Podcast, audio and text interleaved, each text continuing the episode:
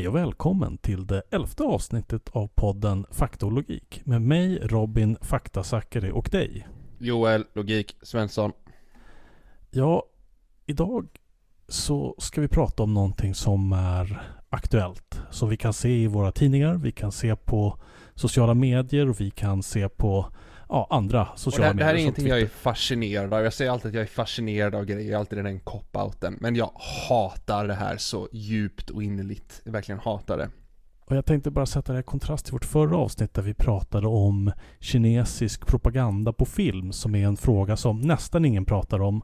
Eh, så det här är någonting väldigt många pratar om. Eh, och det vi ska prata om idag är elsparkcyklar. Eller kanske rättare sagt elsparkcyklar som hyrs ut av företag i tillväxtregioner i Sverige. Till, tillväxtregioner? Ja, det finns i Stockholm, Göteborg, Malmö, Uppsala, Västerås. I princip ah, okay. alla ställen. Det, storstäder är nog ett ord som jag tror de flesta skulle använda istället för tillväxtregion. Ja, men uh, det kanske är korrekt. Jag vet inte. Jag, inte, jag, jag, jag, jag har ord. inte gått statsvetenskap på Uppsala. Så jag reagerade på det.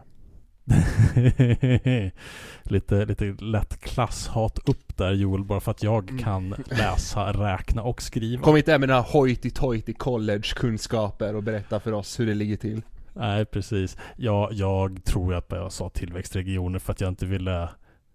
För jag vet inte vilka städer det faktiskt finns i. Jag tror bara det är de stora städerna. Alltså så fort man kommer utanför. Jag, jag har inte på, det, på det, den senaste tiden har jag inte rest runt i Sverige så värst mycket. Men alltså så Varför fort då? det kommer Ja, vad, vad tror du? Ja, bra fråga. It's the damn pandemic. Precis. Eh, det är idag vi ska prata om elsparkcyklar. Voice eller andra märken, vilket man nu vill hellre åka med. Um, vi kommer ta upp tre, flera aspekter av de här elsparkcyklarna. I sann fakta och logikanda så kommer ju vi att utifrån fakta och logik eh, diskutera vad det här är för någonting, varför det är och eh, varför det är så himla dåligt. Och eh, ska börja med en sak. Det här är inte en podd som är emot eldrift. Vi må tycka att Elon Musk är en intergalaktisk tönt. Ja, ursäkta. Jag är emot all eldrift som inte används för att driva tåg, vill jag vara väldigt tydlig med. Allt annat är totalt nonsens och ineffektivt. Men oj, oj, det finns oj. andra åsikter, det vet jag, och jag respekterar dem. Här har vi eh, typiskt vänsterns hyckleri. För att jag vet från en säker källa att Joel faktiskt äger en elcykel. ah, fan, jag, glömde, jag glömde det undantaget. Jag, det, det, det, det, finns, det finns två transportmedel. Jag skulle ha sagt det. Det finns två transportmedel. Oj, oj, oj. När jag får mm. 10 000 för att skriva en kasttext i någon tidning om därför övergav jag vänstern så kommer jag anföra det här som det främsta skälet till varför jag helt plötsligt inte tyckte att ojämlikhet var onaturligt och eh, orättvist. Nu ska vi ju då prata om vi börjar från början. Alltså vi ser de här elcyklarna och då kanske du tänker men, men hur, hur funkar det här med el? Sparkcyklar, inte elcyklar. Just det, det är en stor skillnad. Den ena är en leksak, den andra är ett seriöst transportmedel. Ja, korrekt. Men tekniken om hur de här elektrifierade tvåhjulskonstruktionerna fungerar är faktiskt ganska lika. Mm, Eller hur? Ja, ja, alltså egentligen det, det, är ju samma teknik som används på båda två. Alltså, man kan ju, det beror på hur mycket man dekonstruerar det, men du har ett batteri och så har du en eh, elektrisk likströmsmotor. Och det batteriet är av samma sort, det är liksom litium batteri, det är det batteriet som har bäst energidensitet. Och det där var ett fint ord för de som inte har läst om teknik. Energidensitet, det skulle jag då gissa att det är hur mycket liksom, energi du kan trycka in på så ja, liten ja, ja, nej, men som alltså, möjligt. Ja, ja, precis. Alltså, ett bilbatteri har mycket sämre energidensitet. Alltså att du kan, du kan få ut en, per, per, per vikt kan du få ut en större mängd energi när det är laddat. Så om du då ställer dig på en sån här Voi eller en Tier eller en Lynk eller någon annan av de här märkena, Lime eller vad de nu heter. Vad är det som händer när man trycker på eller drar liksom eh, handtaget för att den ska åka framåt. Ja, du, eh, du signalerar till en eh, dator att den ska eh, öka kraften till motorn och det sker på lite tekniska vis genom, jag tror det är genom att man typ har lite, lite eh, att man har, vad, vad tusan heter det nu igen? Jag tror att man, man, man, man, man kör med eh, ah, jag, jag, alltså jag, jag, kan egentligen det här, men det, du, det finns, det är i alla fall det som har gjort att det här går att införa, att det är enkelt idag och ha motorer som är borstlösa, det vill säga att du har ingenting som släpar efter utan du har bara magneter och elektricitet och sen typ har du pulser som gör att motorn hela tiden eh, jagar magneter och eh, det har, det har, det har revolutionerat eh, eltransporten kan man säga, den här tekniken. Som sagt, det är ganska likt hur det fungerar i en cykel som det fungerar i en elspark. Så i och med liksom den här tekniska utvecklingen, att de här nya motorerna har kommit, eh, så blir det liksom möjligt att tillverka på stor skala någonting som är effektivt. Mot hur det kanske var skillnad tidigare i historien. Ja, det, det har skett en hel del, det har skett en hel del utveckling kan man säga på det här. Både i bat batterier är nog troligtvis det det svåraste att lösa. Det är, det är det jobbigaste problemet. Men även motorerna har blivit, har blivit eh, bättre. Där finns det dock en hård gräns för hur långt man kan komma. Det, du kan liksom du kan inte bryta emot fysikens lagar men du kan göra så att du har högre verkningsgrad. Verkningsgraden kan dock aldrig bli över 100% för du har en evighetsmaskin. Det vore himla trevligt men om jag har förstått det rätt så, så bryter en sån maskin mot termodynamikens bägge lagar. Och eh, de är ganska, ja. ganska hårda de lagarna. Ja, det är det de. Uh, ungefär som de järnhårda lönelagen det, det är en av de, det är en av de lagarna, lagarna som ofta hindrar entreprenörer. Termodynamikens lagar. Det är inget, inget skämt. Det finns många som har mm, Terranos till exempel. De, de gick upp emot fysikens lagar och förlorade. Ja, och eh, i och med att du inte kan bryta mot fysikens lagar så älskar ju de här företagen att bryta mot både moraliska och ibland juridiska lagar för att få ja. sin vilja igenom. Men om vi då tittar tillbaks lite.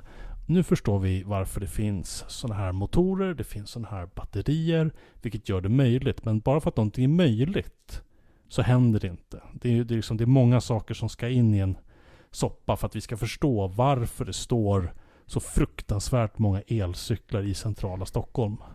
Och eh, vi då som, är, som bor i Stockholm blir oftast anklagade för att ha ett Stockholms perspektiv och det är korrekt.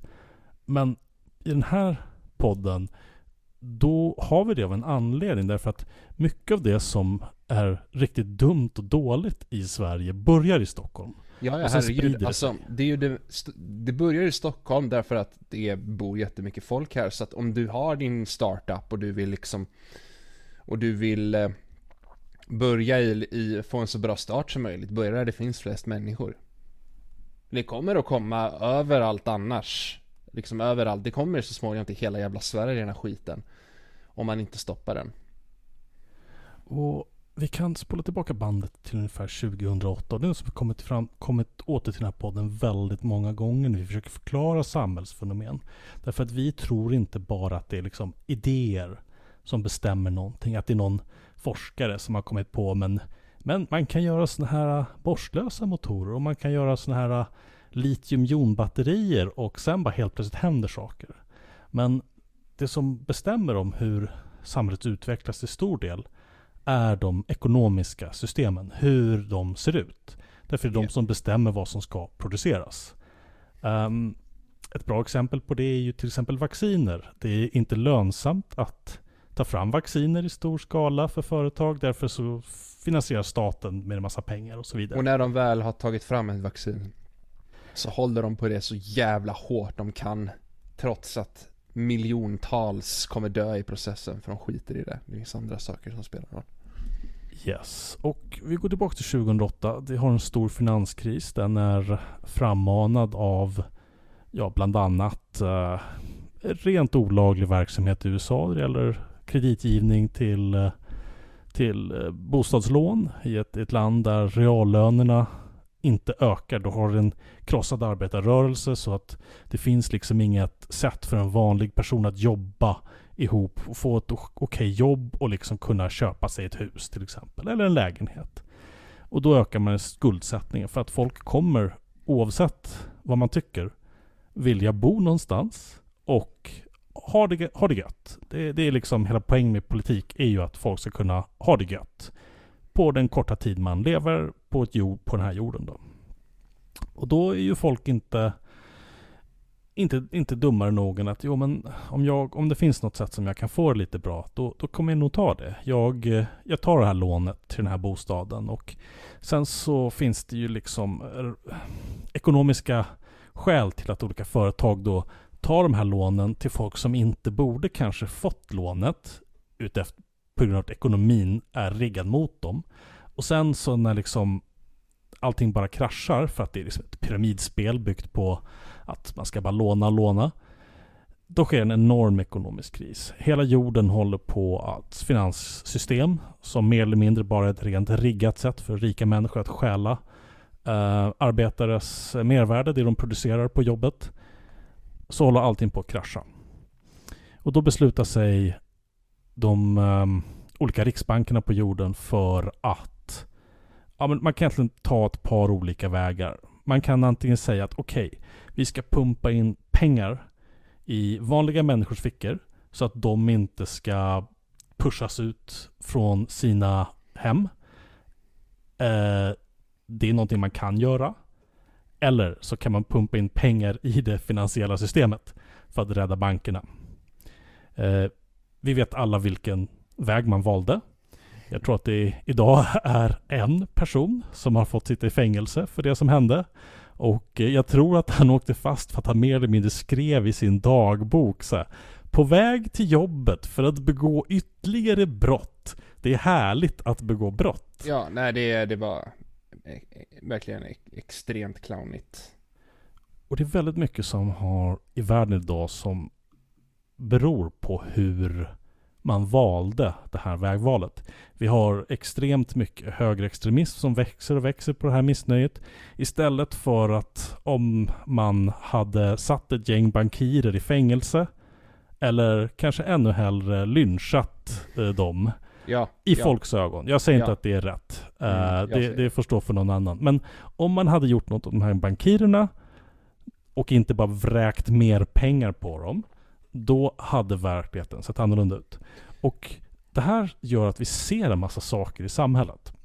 Vad som händer är att man då de här olika statliga banker och så, de, de ägnar sig åt något som kallas kvantitativa lättnader. Och det är mer eller mindre att man bara pushar ut pengar. Alltså krediter så att man kan få, företag kan få låna, de kan tillverka saker och man kan göra massa grejer. Mm. Och de får, väldigt, de får liksom väldigt billiga lån bara. I typ ja. obegränsad mängd alla finansiella institutioner. Vill, vill, du ha liksom, så att det systemet som kraschade hela jorden fick sen svaret men vad fasen, vad sägs om att ni får ännu mera pengar? Var liksom yeah. staternas svar. Yeah. Och i den här då, i och med att vi kan se att det har varit väldigt lite, liten tillväxt i västvärlden. Alltså tillväxt på riktig innovation. Det händer faktiskt inte så mycket nytt. Det kommer Nej. faktiskt inte så mycket nya grejer. Det är faktiskt ganska patetiskt. Och vi kan se liksom, det pratas jättemycket om hur mycket eh, hur mycket mer effektiviserat vi har. Vi kan se automatisering. Vi kan se det här överallt förutom liksom i, i de riktiga siffrorna. Det, och då har vi ett ekonomiskt system som kallas kapitalism och kapitalism beror på eh, att du gör, för, te teoretiskt sett bygger det på att företag och annat gör investeringar och sen så ska de få ja, en, en vinst tillbaka. Man, man, man, tillverkar en ny bil och så säljer man så får man en, en, en, god marginal på slutet där så man kan liksom säga nu har vi gått i vinst, det är härligt. Men och så ska det här fortsätta. Vad, vad händer? Vad händer med det här systemet? Vad händer med det här systemet? Jag inbillar mig att det spelas väldigt, väldigt mystisk musik nu. Vad händer om de här kapitalisterna blir belönade för att bara komma på en massa skräp som inte är produktivitetshöjande. Vad händer då?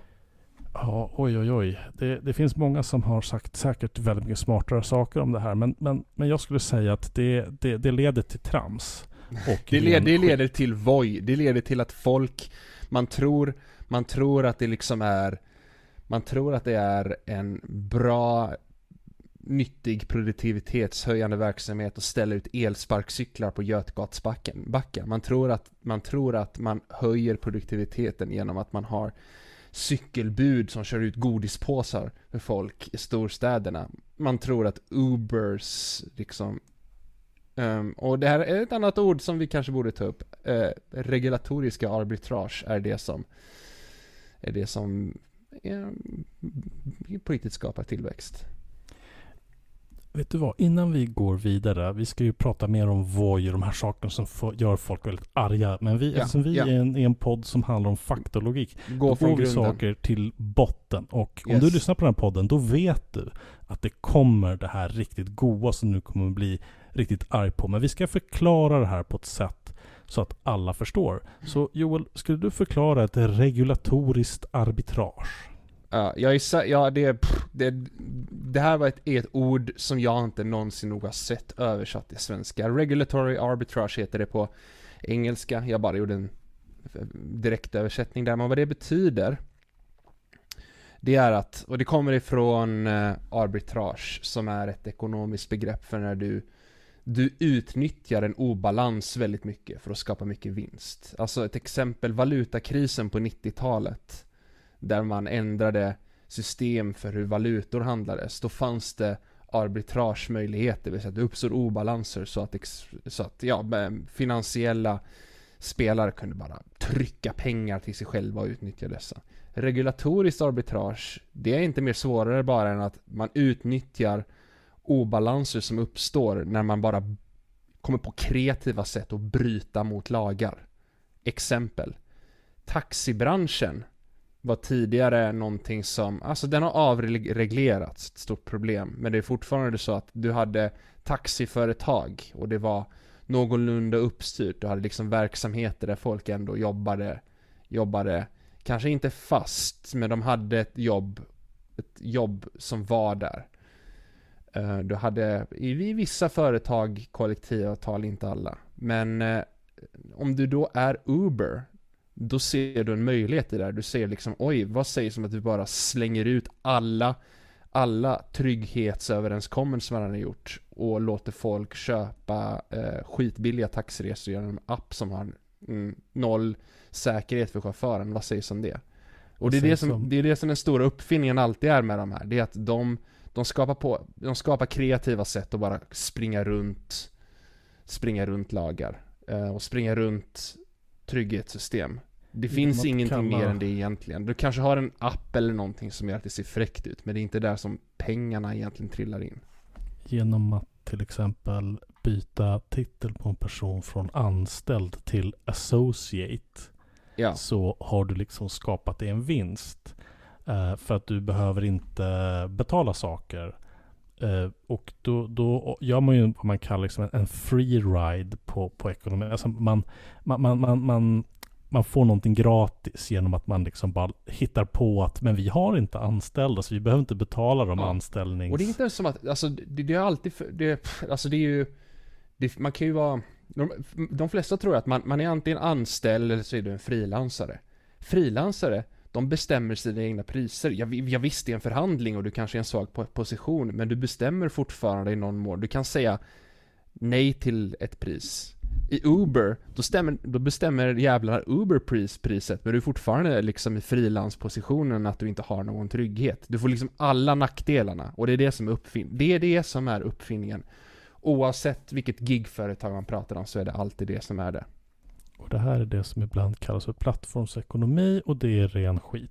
Ja, och vissa kallar det för delningsekonomi och de personerna som säger det, de är avskum och lyssna inte på dem. De är hjärntvättade. Ja, och då har vi en situation där vi har en del rikedomar som finns i samhället som ännu inte fullt blivit plundrade. Just nu så pågår det ju en debatt om allemansrätten. Därför att Centern vill förstöra den och de vill förstöra strandskyddet genom att ge de allra finaste sakerna till de allra rikaste så att de kan kapa åt sig det. Och sen så låtsas de som att allemansrätten finns fortfarande kvar. Men allemansrätten till exempel, det handlar ju om att alla ska ha tillgång till det allra bästa Sverige har att erbjuda. Ja, man har gemensamma tillgångar. Och de kallar det, det är uppbrutet i flera grejer det här, men framförallt i strandskyddet så är det väldigt tydligt att det handlar om att leta, leta rätt på någonting som du kan, som du kan extrahera saker ur. Väldigt kortsiktigt, när stränderna är privatiserade så kommer det vara jobbigt att ta tillbaka dem igen. Kubanerna vet hur man gör, men det är få andra som vet det. Samma, eh, samma sätt som, som folk som allemansrätten vill de förstöra allemansrätten och så, så finns det också en rättighet till en av mänsklighetens främsta skapelser. Staden. Mm. Och vad ja. en stad är, det är, ja men det är lite som, som någon republikansk senator tror jag sa om vad är pornografi? Och han sa nej men det kan jag inte säga men jag känner igen det när jag ser det. Mm. Och det är lite så med en stad. Eh, en stad som till exempel Stockholm. Om man tittar på hur staden är byggd, så hur den byggs mer och mer, så kan du inte existera i staden utan att behöva konsumera. Det ja. finns knappt bänkar att sitta på. Det finns kaféer och det är ju trevligt och människor gillar att sitta på kaféer, jag med. Men man kan knappt sitta någonstans. Du måste alltid konsumera för att få vara där. Och sen så har det funnits någonting som har varit någonting som tillhör alla. Gatorna. Ja. Där du går. Och då tänker det... de, hur kan, vi, hur kan vi göra gatorna till en vidrig ekonomisk resurs som vi extraherar någonting ur? Och in kommer då de här elsparkcyklarna. Ja. Jag hade förmånen, eller jag vet inte om jag ska kalla det för det. Jag var i San Francisco för några år sedan. Mm. Och det här var innan elsparkcyklarna var en grej riktigt i Sverige. Ja, uh, ett paradis. Ett paradis visst. Uh, det var i och för sig ett nyliberalt uh, helvetes öken i Stockholm San redan Francisco innan. San har marknadshyror. Det, mm, det innebär vissa grejer. Vi, vi, skulle kunna prata mer om San Francisco, men jag, jag kan säga så här. Det jag såg när jag var i stan, det var att priserna är extremt höga alla människor som inte kan konsumera väldigt mycket är totalt utestängda från gaturummet och på det, alltså i och med att hela Silicon Valley ligger där så kommer ju liksom alla sådana här techgrejer först. Man testar dem i San Francisco först. Ja. Och eh, då, det är ju där Uber och Lyft och liknande sådana företag kommer ifrån. Eh, yes. och där så hade man börjat med de här sparkcyklarna. Då. Det var inte jättemånga där och då vad jag minns, men de, de fanns där. Eh, och det var någonting nytt. Och jag ska erkänna. Tyckte att det var, jag har inte åkt på dem, men jag tyckte att ja, det här kanske kan vara ett litet komplement till, till någonting. Men när man slår på de marknadskrafterna, vi ska gå tillbaks lite till, innan vi går in till situationen i Stockholm och beskriver den mer, så ska jag prata lite om ekonomin. Ja, men i och med att alla de här företagen då ah, inte får någon egentligt bra avkastning på kapital av innovation och tillverka bra saker och nya grejer. Då, då, då, då, då, rusar man efter vad man kallar så olika monopolvinster. Ja, det, alltså, finns, det finns obegränsade mängder pengar egentligen. Allt idag som kan, kan tolkas ge någon form av eh, ja, monopolövertag. Så att orsaken då, varför det har 20 olika cykel, eh, sparkcyklar i Stockholms innerstad, eller kanske är 5-6, vem vet, jag bryr mig inte. Är ju för att det finns olika riskkapitalfonder och andra som stater och så har bara som vräkt pengar på. När du har en löneökning på en, två procent per år eller någonting i genomsnitt för att vi har kollektivavtal i Sverige så har de här enorm tillväxt. Inte för att det tillverkas någonting vettigt, inte för att det görs riktiga innovationer utan för att liksom den bara pressas pengar på för att vi ska hålla igång systemet. Och då kan de här stora företagen göra saker som inte går med vinst under en jättelång tid. Alltså om du till exempel ska öppna en kiosk. Säg att du heter Pelle och du och din fru Jamila, ni har en idé. Ni, ni vill starta en glasskiosk nere vid bad. För att det finns ingen där och eh, ja men alla gillar väl glass. Eh, och eh, varför inte? Du, ni vill tjäna lite pengar, ni vill kanske ja, men kunna köpa ett hus någonstans och, och bo och ha det gött. Då tar ni kanske ett lån på banken. Och eh, det här lånet är att ni får kanske låna några hundratusen och sen så måste ni betala ränta. Och eh, det är ungefär det det är. Eh, om du hade ett riskkapitalbolag och sagt att men jag har en glassapp som gör att jag kommer att kunna ta över alla Sveriges stränder i all evig tid uh, genom den här appen. Då ställer sig en bank, en riskkapitalfirma och bara Det här är det bästa jag har hört någonsin. Ta 500 miljarder du får, dollar. Du får alla pengar. Och när vi, när vi säger att det här är saker som Alltså det, det finns Voi går, Voi som är det största elsparksföretaget, de går med enorm förlust. Och de tar in enormt mycket kapital för att kompensera för det. 2019 gick Voi med 800 miljoner i förlust. Och Voi har då olika stora investerare. Jag tror att eh, Kristina eh, Stenbeck som är arving till Stenbecks eh, eh, sfären då, enorma rikedomar och så vidare. Och mm. för de här människorna som är totalt bara pumpade med pengar, när du får gå och skrapa till banken för att få pengar till din affärsidé, då liksom bara vräks det pengar. Och när jag sa den här glassappen, då är det en mycket smartare idé än 99% av alla appidéer som finns. Yeah. Därför att nästan alla dem bygger på en sak. Och när du väl har börjat tänka på det här, och när du läser tidningar och ser på TV och sen börjar fundera över, är det här verkligen rimligt? Och när någon säger att någon gör en innovation, då ska du fundera, vänta, den här saken, är affärsidén att fattiga människor ska hämta saker åt rikare människor, då är det inte innovation. Nej. Det har kommit någon tvättapp där du kan få någon fattig människa att komma hem till dig och tvätta hemma hos sig. Resursen de exploaterar är att de sänker, sänker standard. Det är det Precis. som de gör vinst på. Om de inte har, om de inte har någon produktivitetsförbättring av något slag att erbjuda, då måste det finnas något annat. Och i de flesta fall är det här vad som gäller. Eh, det var en väldigt intressant sak som jag såg på Twitter som passerat eh, i anslutning till det här om nya friskolkoncerner som ska erbjuda folk att de får matlådor med sig hem när de hämtar barnen och annat och kan ha samma pedagoger som barnvakt till barnen efter. Så att allting handlar om att liksom förstöra strukturer eh, som finns, som hyfsat ja. fungerar för att man ska kunna liksom, extrahera mera vinster.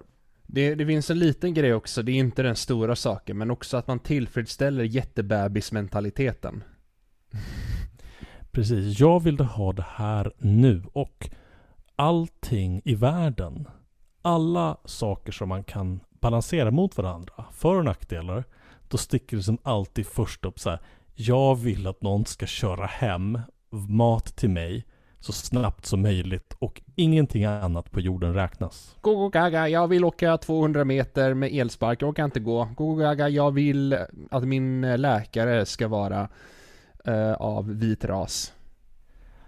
Det är ju en diskussion som väldigt tydligt kommer in i det här och det är ju just det här att man man matar en upplevelse till folk att de alltid är konsumenter. Och ja, konsumenten precis. har alltid rätt jämför, jämt emot inte bara företaget som det, det har man, Konsumenter suger, konsumenter är sjuka i huvudet. De har nästan aldrig rätt.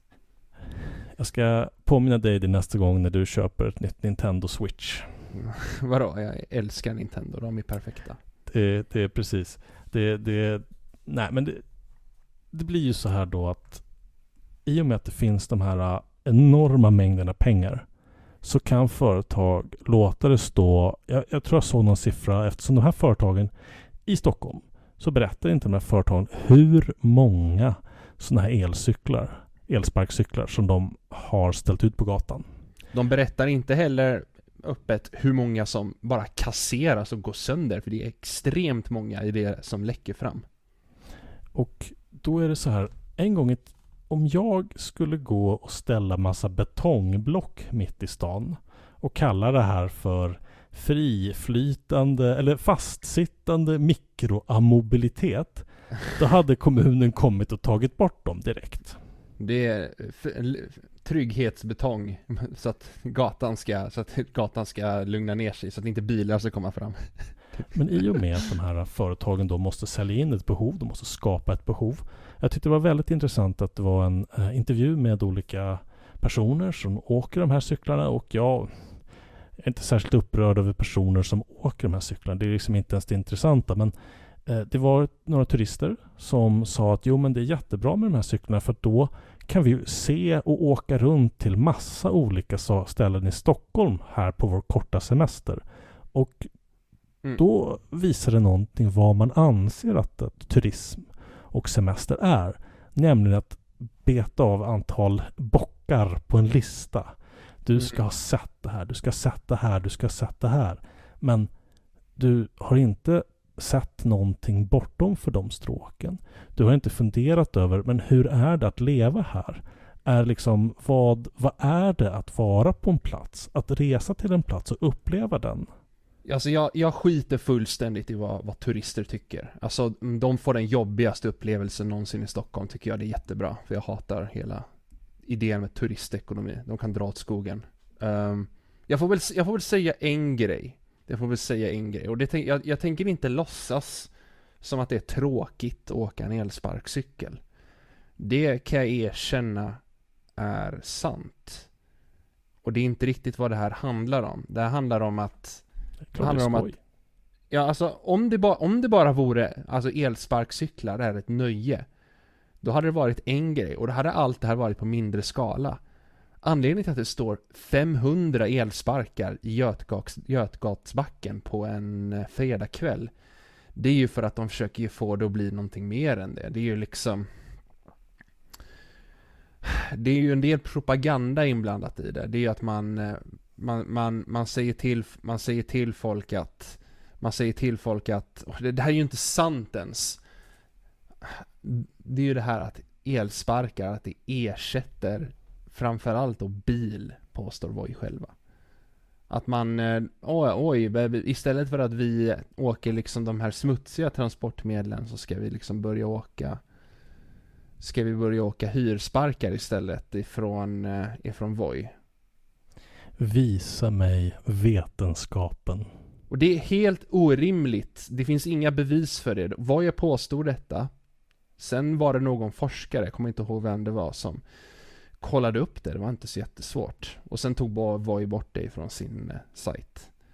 För du kan mm. inte ha, alltså, och, och, återigen, det här handlar om elsparksföretag, de som hyr ut. Alltså om du har din egen elspark som du åker fram och tillbaka med, till jobbet till exempel, okej okay, det funkar därför att du har den alltid där.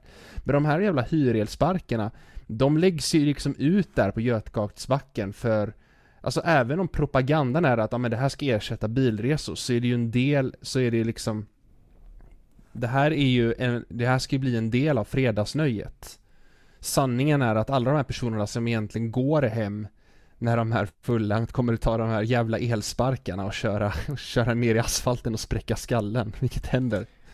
Här, vi kommer till en väldigt intressant här. Alltså, Voi de här, de betalar inte för marken vi som arbetar, vi som producerar mervärdet i den här staden, och då pratar jag om arbete brett. Du kan ta hand om dina barn, du kan göra en massa olika saker på din fritid som är positiva för samhället. Eller du kan lönarbeta. Men all mänsklig rikedom kommer ifrån arbete. Ja. Eh, Voi och de här byggde inga städer. De har de inte... kommer aldrig bygga städer. De, har ut, de utnyttjar faktumet att det redan finns en stad byggd och att det redan finns vägar där som någon annan har betalat redan. Någon som någon, någon annan redan har byggt upp. Och sen en vidare fråga, hur kommer det sig att det står så många voice där på Götgatsbacken? Det är inte bara för att folk ställer dem där. Folk ställer dem på pantade ställen, men det är också för att och det här kommer tillbaka till gig-ekonomi då. Det är för att det är folk som jobbar med gig för att ställa ut voice. Det är en del Fattiga i hur människor funkar. som hämtar saker åt rikare människor. Ja, ja precis. De är, man, man, man, man de, de är, de är liksom de blir, de blir typ undersamhället som man inte ser men som bara ser till att det här systemet som de försöker bygga upp sitter ihop. Och det pratas ibland om, det finns en metafor eh, som kallas för den mekaniska turken. Och det var en, en, em, en riktig, en scam artist, eh, en riktig eh, lurendrejare Mm. som lurat han hade byggt en, jag tror det var på slutet av 1800-talet, början av 1900-talet, att han hade byggt en maskin som kunde spela schack bättre än någon annan. Mm. Men i den här maskinen så satt det en, jag tror småväxt man som var extremt bra på att spela schack. Mm. Så han satt där bakom och gjorde det här uh, osynliga arbetet. Det finns en väldigt bra bok om det här på svenska som är utgiven alldeles nyligen som heter Kapitalets automatik. Mm. Eh, som handlar just om allt det här osynliga arbetet bakom alla de här innovationerna och allt den här Visste du att automatiseringen. Amazon har en tjänst som heter Mechanical Turk som är det här? Det är så fint med de här kapitalet för de säger rakt ut vad de gör. Och Eh, sen vi- så rapporterar folk Hallå, om det. vi som att erbjuder det- tjänsten Scam Parasit. Eh, kostar 90 cent per användning. Men politik finns fortfarande. I alla fall i någon sorts form av regulatorisk mening. Alltså att eh, politiker bestämmer om vad som får åka på våra gator. Politikerna har bestämt att elspar- elcyklar till exempel får köra i 25 km i timmen. De har bestämt att man inte får ställa en bil Mm. eh, med, rakt upp på vägen. Och eh, så politikens liksom eh, primat, dess, liksom, dess företräde finns fortfarande. Och då kan man ställa sig frågan, vad har politiken gjort i exempel Stockholm de senaste tre åren då vi har haft de här problemen? Och eh, jag, jag, ska, jag ställer frågan till dig Joel, vad har politiken De har inte gjort ett de senaste skit, de har inte gjort ett skit därför att Miljöpartiet älskar det här. De fullkomligt älskar friflytande mikromobilitet. Ett ord som ett, en, ett begrepp som Daniel Heldén som är trafikborgarråd i Stockholm verbatim använder hela tiden. Jag säger verbatim för det är, det propagandabegrepp som den här branschen kallar det här för. Friflytande, man kan ställa dem var som helst, mikromobilitet för att, ja men det är små ting, små transportmedel som gör det mer mobil än tidigare. Totalt, total lögn. Du är inte mer mobil än tidigare. Du, du äh, åker en elsparkcykel istället för att gå, det är det enda du gör. Du kommer inte sluta åka bil. Du kommer bara sluta gå istället.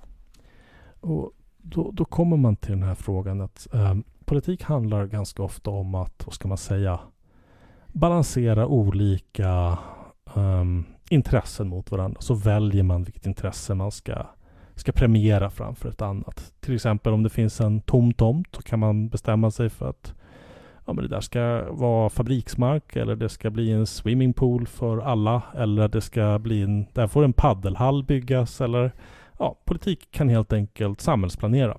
Mm, det finns en hel del att säga om paddelhallar för övrigt. Precis. Eh, Och ekonomin bakom det, men det får vi ta en Mm. annan gång. Eh, Så när politiken då bestämmer om vad som ska gälla så, så är det olika ja, men, intressekonflikter helt enkelt som står där. Eh, vi har de här elsparkcyklarna som står överallt. De är i vägen för folk som går, för folk som åker bil, för folk som åker cykel. De är i Ehm, vägen för folk som har synproblem också. Ja, precis. Kommer till det. Men tänk till exempel Mm. att cyklister, ett sätt Ja, som har ja. pratat väldigt mycket om att minska bilåkande i stort, vilket den här podden självklart är för, ehm, så har det varit då, men gör, bygg bättre cykelinfrastruktur. Och du kan bygga bättre cykelinfrastruktur. Men om cykelbanorna är fulla med leksaker, då, då blir det liksom inte då förbättrar du inte cykelinfrastrukturen. Du, du förbättrar liksom lekåkandet. Och då har du Ja. valt, om du väljer att låta de här leksakerna stå där, då har du valt det framför ett annat värde. Ja, det är det Daniel Heldén väljer varje dag i veckan. Och som du säger, det är väldigt svårt för personer med synnedsättning. Eh, du kanske behöver åka i en rullstol. Det finns en massa saker som gör att när du blir äldre att du kanske har en rullator. Det är Ja, lite jag har- jobbigare att gå. har- jag var inneboende hos en tant i Solna för drygt ett och ett halvt år sedan. Hon bröt benet på en elsparkcykel som låg på gatan. För hon såg den inte. Hon ser ganska dåligt. Jag såg på Twitter förra veckan en person som förstörde sin arm så att han inte kan använda den längre på grund av att han snubblade på en elsparkcykel. Det låter, det kan, ju- för det kan ju låta så här lite, lite kanske ansträngt att man tar upp så, åh men typ tänk på som när man, när man pratar om att man ska förbjuda sugrör, då, då det finns det vissa som förbjuder plastsugrör, då finns det vissa som säger åh men tänk på alla som har typ eh, någon, någon form av handikapp så de inte kan dricka riktigt. Det känns, det är li, lite kon, konstgjort exempel kan man tycka. Det finns andra lösningar runt det. Men det här är någonting som händer på riktigt hela tiden. Det är ett jättestort problem. Alltså jag har själv snubblat på sådana där elsparkar. Jag, är ju i, jag, jag är frisk och i en så länge ganska ung ålder så jag har inte skadat mig någonting alls på det. Men de, de står verkligen överallt. De är jätteirriterande. Och det här då, i och med att man då väljer att om du vet att de här sakerna händer. Yeah. Du vet det ena värdet. Du vet det ena va- väg du kan välja. Du vet det andra och sen har du valt alternativet som leder till att någonting händer. Då har du valt att det här ska hända. Så när Daniel Heldén väljer att låta kaoset fortsätta för det gör han. För han har knappt lyft ett finger. Han har snarare hjälpt elcykelföretagen genom att ge dem ännu mer av vårt gemensamma. Genom att hjälpa dem på olika sätt att försöka anpassa Han, det. han, han har uppmuntrat dem, uppmanat dem till att självreglera vid varje givet tillfälle. Och vi pratar alltså tre år där det bara blir värre.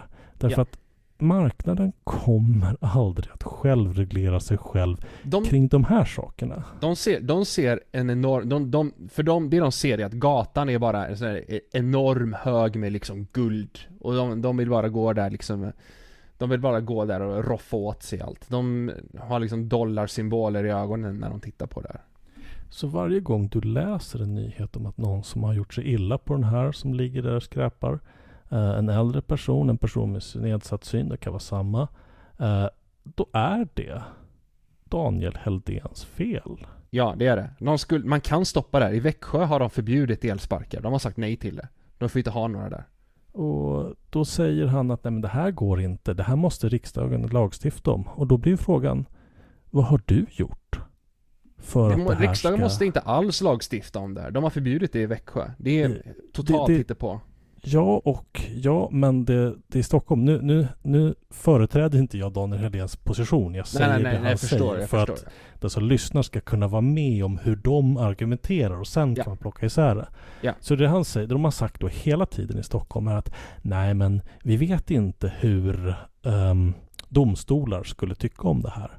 Mm. Men då tycker jag istället, hade du tyckt att det var ett problem på riktigt, då hade du varit beredd att säga att jag kommer stoppa den här skiten. Jag Ja. kommer ta det här till Ja, domstol. alltså, ja, det, då, precis. Du vet inte vad domstolen säger för om man tar det till det. Och sen om domstolen säger någonting, då kan det väl vara aktuellt att prata om att någon ska komma med någon lagstiftning som gör någonting annorlunda. Inte så det brukar ske i normala sätt om man inte är en total hack som Daniel Heldén är. Och då kan man ta det. Jag vill inte spoila någonting för de som inte vet det här men Daniel Heldén är medlem i Miljöpartiet. Miljöpartiet sitter Mm. i en regering. Vad gör en regering? Jo, den, den har möjlighet att hålla på lite med lagstiftning i Sverige. Va, va, va, vänta lite, Daniel Heldén, är han... Eh, vilken koalition är det som han sitter i i Stockholm? Ja, i Stockholm så är det blågröna eh, som styr. Så att Mhm.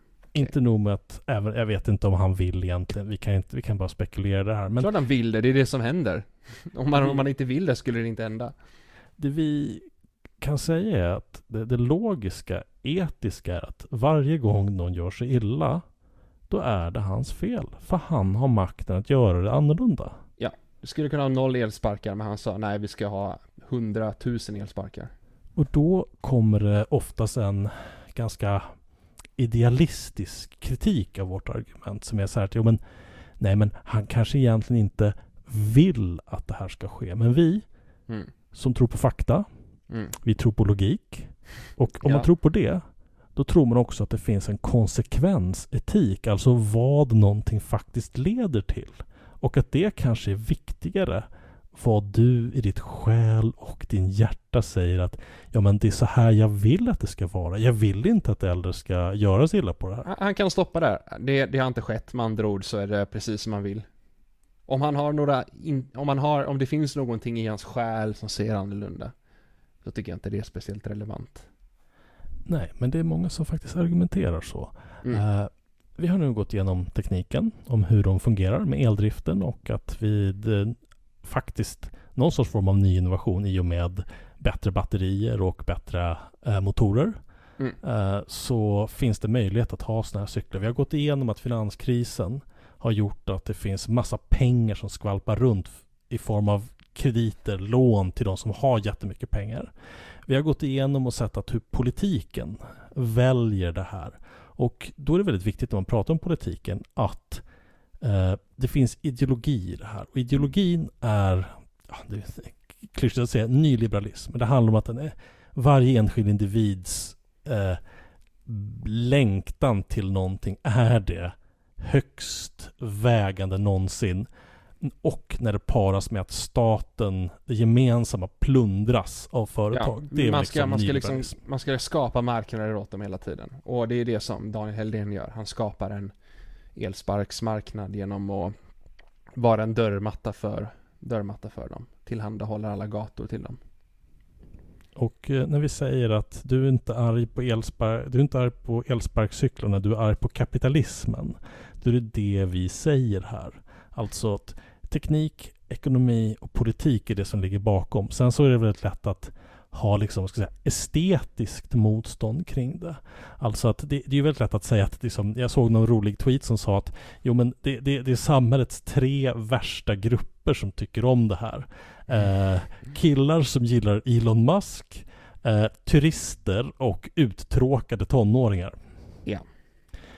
Eh, och då får du liksom folk som åker som galningar de här. De gör 25 km i timmen därför det är lagen tillåter det. Ja, i Finland har de sänkt hastigheten till 15 km i timmen för övrigt. Det kan man faktiskt göra om man vill det. Och eh, det är ju lagstiftning är också så här att en, en poäng med att ha eldrift, till exempel elcyklar med 25 km i timmen är att om du ska åka en bit så är det liksom det som, det, det är en bra hastighet att transportera sig. Eh, till exempel väldigt många, särskilt högerdebattörer, hatade elcykelpremien för de liksom i, de tuggade liksom fradga åt att men det här går till liksom, jag vet inte, eh, deras liksom idé om hur någon som har gått på Södertörn med blått hår och bara cyklar och hatar bilar. Men när man faktiskt har tittat på vilka som använde elcykelpremien så finns det tecken på att det var ganska mycket medel eller alltså äldre gubbar Det- det i medelstora Det svenska de, städer. det de framförallt sa, det var att det bara var typ stockholmare och folk i storstäderna som använde elcykelpremien. Det är total lögn. Det finns inget fog, fog i datan för att det var på det sättet.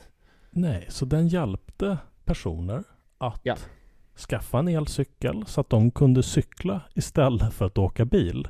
Vilket aldrig någonsin händer med elsparkcyklarna. Jag vill lägga till en till sak i det här och det är att ibland ser man argumentet att ja men istä- jag åker elcyklar istället för att åka kollektivtrafik. Eh, och det sparar mig en massa pengar eh, varje månad. Mm. Och då kan man till det finns det ett par saker att säga. För det första, orsaken att du kan cykla på de här till det låga priset är på grund av att företagen är enormt statligt subventionerade. Det bara pumpas ut pengar till dem. Ja, Eh, obegränsade, obegränsade krediter och gatorna är redan byggda för dem och de behöver inte betala något. Medans, medans eh, kollektivtrafiken betalar vi med skattesedeln. Ja. Eh, och eh, eftersom den oftast i de flesta regionerna i Sverige styrs av ehm, de som tycker att vi inte ska betala saker via skatt utan ska betala för oss själv. Då blir det så. Då blir avgifterna för att åka kollektivt, effektivt, faktiskt åka, alltså riktig transport, blir dyrt. Medan sådana här uh, leksaker blir Ja, billigt. alltså de, all- alla de här elsparkarna, om du... De, de tar, de, de har ett hel, de har ett komplett bluffpris. Om de som la fram de här elsparkarna faktiskt fick betalt på riktigt för det arbete de utför och om eh, och om det faktiskt och om det faktiskt var så att eh, att eh, att de var tvungna att gå med vinst. Alltså, i alla fall gå jämnt ut för att kunna existera. De här elsparksföretagen. Då skulle, det, då skulle det vara så jävla mycket dyrare än vad det är. Det skulle vara mycket dyrare än avgiften för kollektivtrafik. Ja, det skulle aldrig vara, det skulle aldrig funka. Affärsmodellen skulle vara helt ol- Och på- dessutom om elsparksföretagen var tvungna att betala liksom hyra för den delen av gatan de tar. Det skulle aldrig någonsin gå ihop. Det skulle liksom, det skulle vara helt orimligt. Ja, det skulle vara intressant att göra en kalkyl över det. Så man har en, har, har, har, en, har någonting man kan liksom säga tydligt. Varför måste de som säljer frukt på torget, som har upp ett tält, betala hyra för det? Mm. När Voi inte behöver betala hyra på marken de utnyttjar? Bra fråga. Äh, Det finns inget bra svar annat Mm. än om du har köpt att det här handlar om att lösa ett samhällsproblem med, hitta på begreppet, friflytande mikromobilitet. Och, och jag sa det här tidigare, det, ersätter inte bilar och tillhörande till det påståendet så var det att Voi och andra företag skulle minska koldioxidutsläppen. Det är fel, de ökar dem, för folk väljer inte att skippa bilen för att åka Voi, de väljer att skippa gång för att åka Voi. Och med andra ord så släpps det ut mer koldioxid för du måste ha de här jävla elsparkarna som går sönder hela tiden, som står där. Och om du tar bort ytterligare ett tillfälle för gång. Alltså en orsak som har varit att det är vissa delstater i USA till exempel, New York är ett ganska bra exempel. Alltså ställen där du har riktiga planerade eller traditionella städer där du kan och behöver gå mycket. Då väger folk mindre.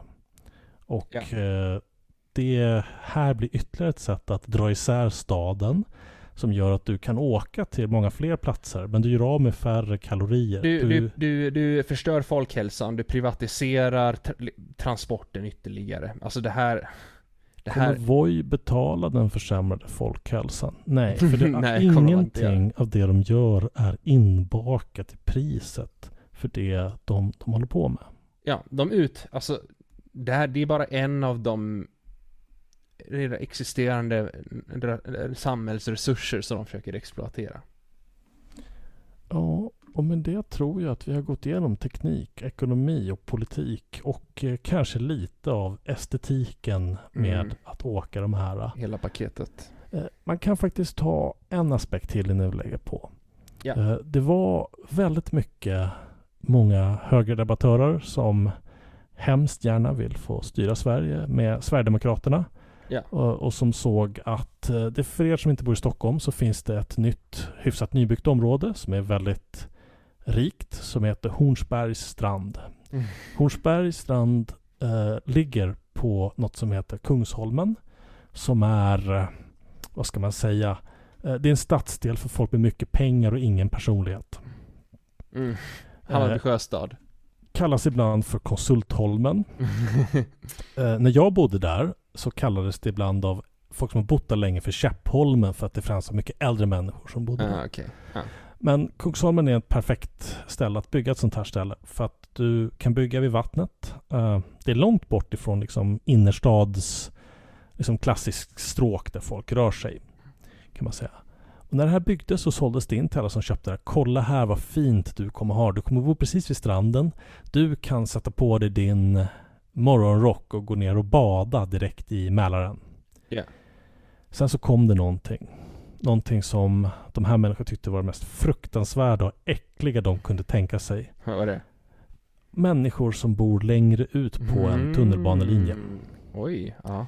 Vi vet också, vi kan bara gissa att de här inte heter Karl av Cedersköld.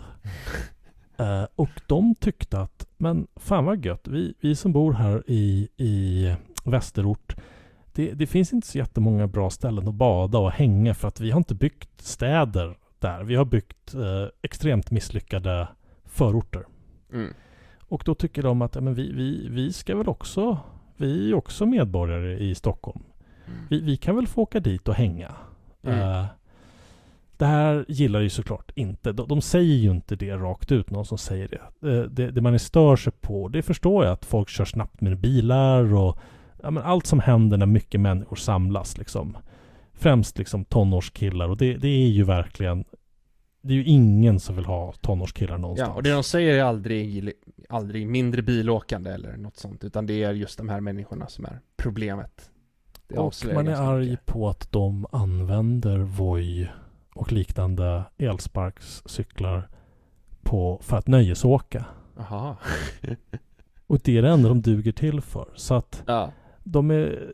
Och då blir det liksom att de här invandrarkillarna eh, killarna och eh, vi, vi tycker ju bara att tonårskillar generellt är, är vedervärdigt att, att behöva Ja. konfronteras med.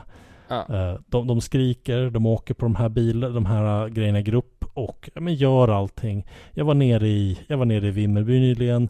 Där var det Alltså, ton, epatraktorkillar. tonårs, de gör tonårskillar, samma sak. tonårskillar suger är, är skit. Man, man har en gång varit där, man vet att det kan, kan vara, man kan hamna i riktigt pantade sammanhang. Och jag vet inte ens, ah, alltså allt det här är ju kodat i att de här, det är extra dåligt därför att de kan vara mörkhyade, de här personerna. Ja. Jag vet inte ens om de som är o, irriterar sig på att, det, det bästa är de som bor på Strandvägen som är sura, som att man ska bry sig ett skit av vad de tycker. Eh, jag vet inte ens om de ens, alltså de, det, det, det, de, det de tror det är att det bara är inkräktare från förorten som är liksom kodat till att folk är mörkhyade. Jag vet inte ens om det nödvändigtvis är så, att det ens är det. Men det, det, det är bara så som historien har blivit. Och eh, där så börjar ju de här olika företagen säga att ja, men vi kanske ska minska hastigheten som de här kan åka. Ja. Och så får de, eftersom de är flera företag, så det företag som går först är ju de som får lite bra rubriker och allting handlar ju om liksom uppfattning som tilltänkta konsumenter kan ha om de här. Men vi, vi är lynk. Det är med Y. Det är inte mitt Mm. fel att de har töntiga namn. Jag vet inte om det var dem, jag bryr mig inte om det var dem. Men de säger liksom att vi Ja. är de som, som ska ta ansvar för det här. Mm. Eh, så att vi kommer se det här. I och med att politiken inte gör någonting, inte vill göra någonting. Snarare uppmuntra det här. Uppmuntra det här kaoset. Göra det värre och värre hela tiden. Så kommer vi komma till en punkt då vi egentligen får acceptera att eh, vi, vi lever i den här horribla verkligheten. Eller att politiken faktiskt gör någonting. Det är den enda lösningen. Marknaden Ja, kommer inte lösa ett skit, de har inget intresse av det. Det är att leverera en vinst till en aktieägare. Ja. Och jag vet inte om jag har så mycket mer att säga om det här. Har du det Joel? Uh, jag, jag eh, nej, jag, jag forskar väldigt mycket i vetenskapssyften på hur man sabbar elsparkar. Eh, när jag har resultat kommer jag presentera dem. Ja, den här podden uppmanar såklart inte till några som helst brott. Det är inte nej, sånt nej, vi jag, gör. jag sa vetenskapliga syften. Jag, jag, vill, jag vill bara ta reda på det här för att eh, kunskap är fri. For science. Ja. För fakta, för logik. Och med de orden så avslutar vi det elfte avsnittet av podden Faktalogik. Det gör vi. Ha det gött! Ha det gött!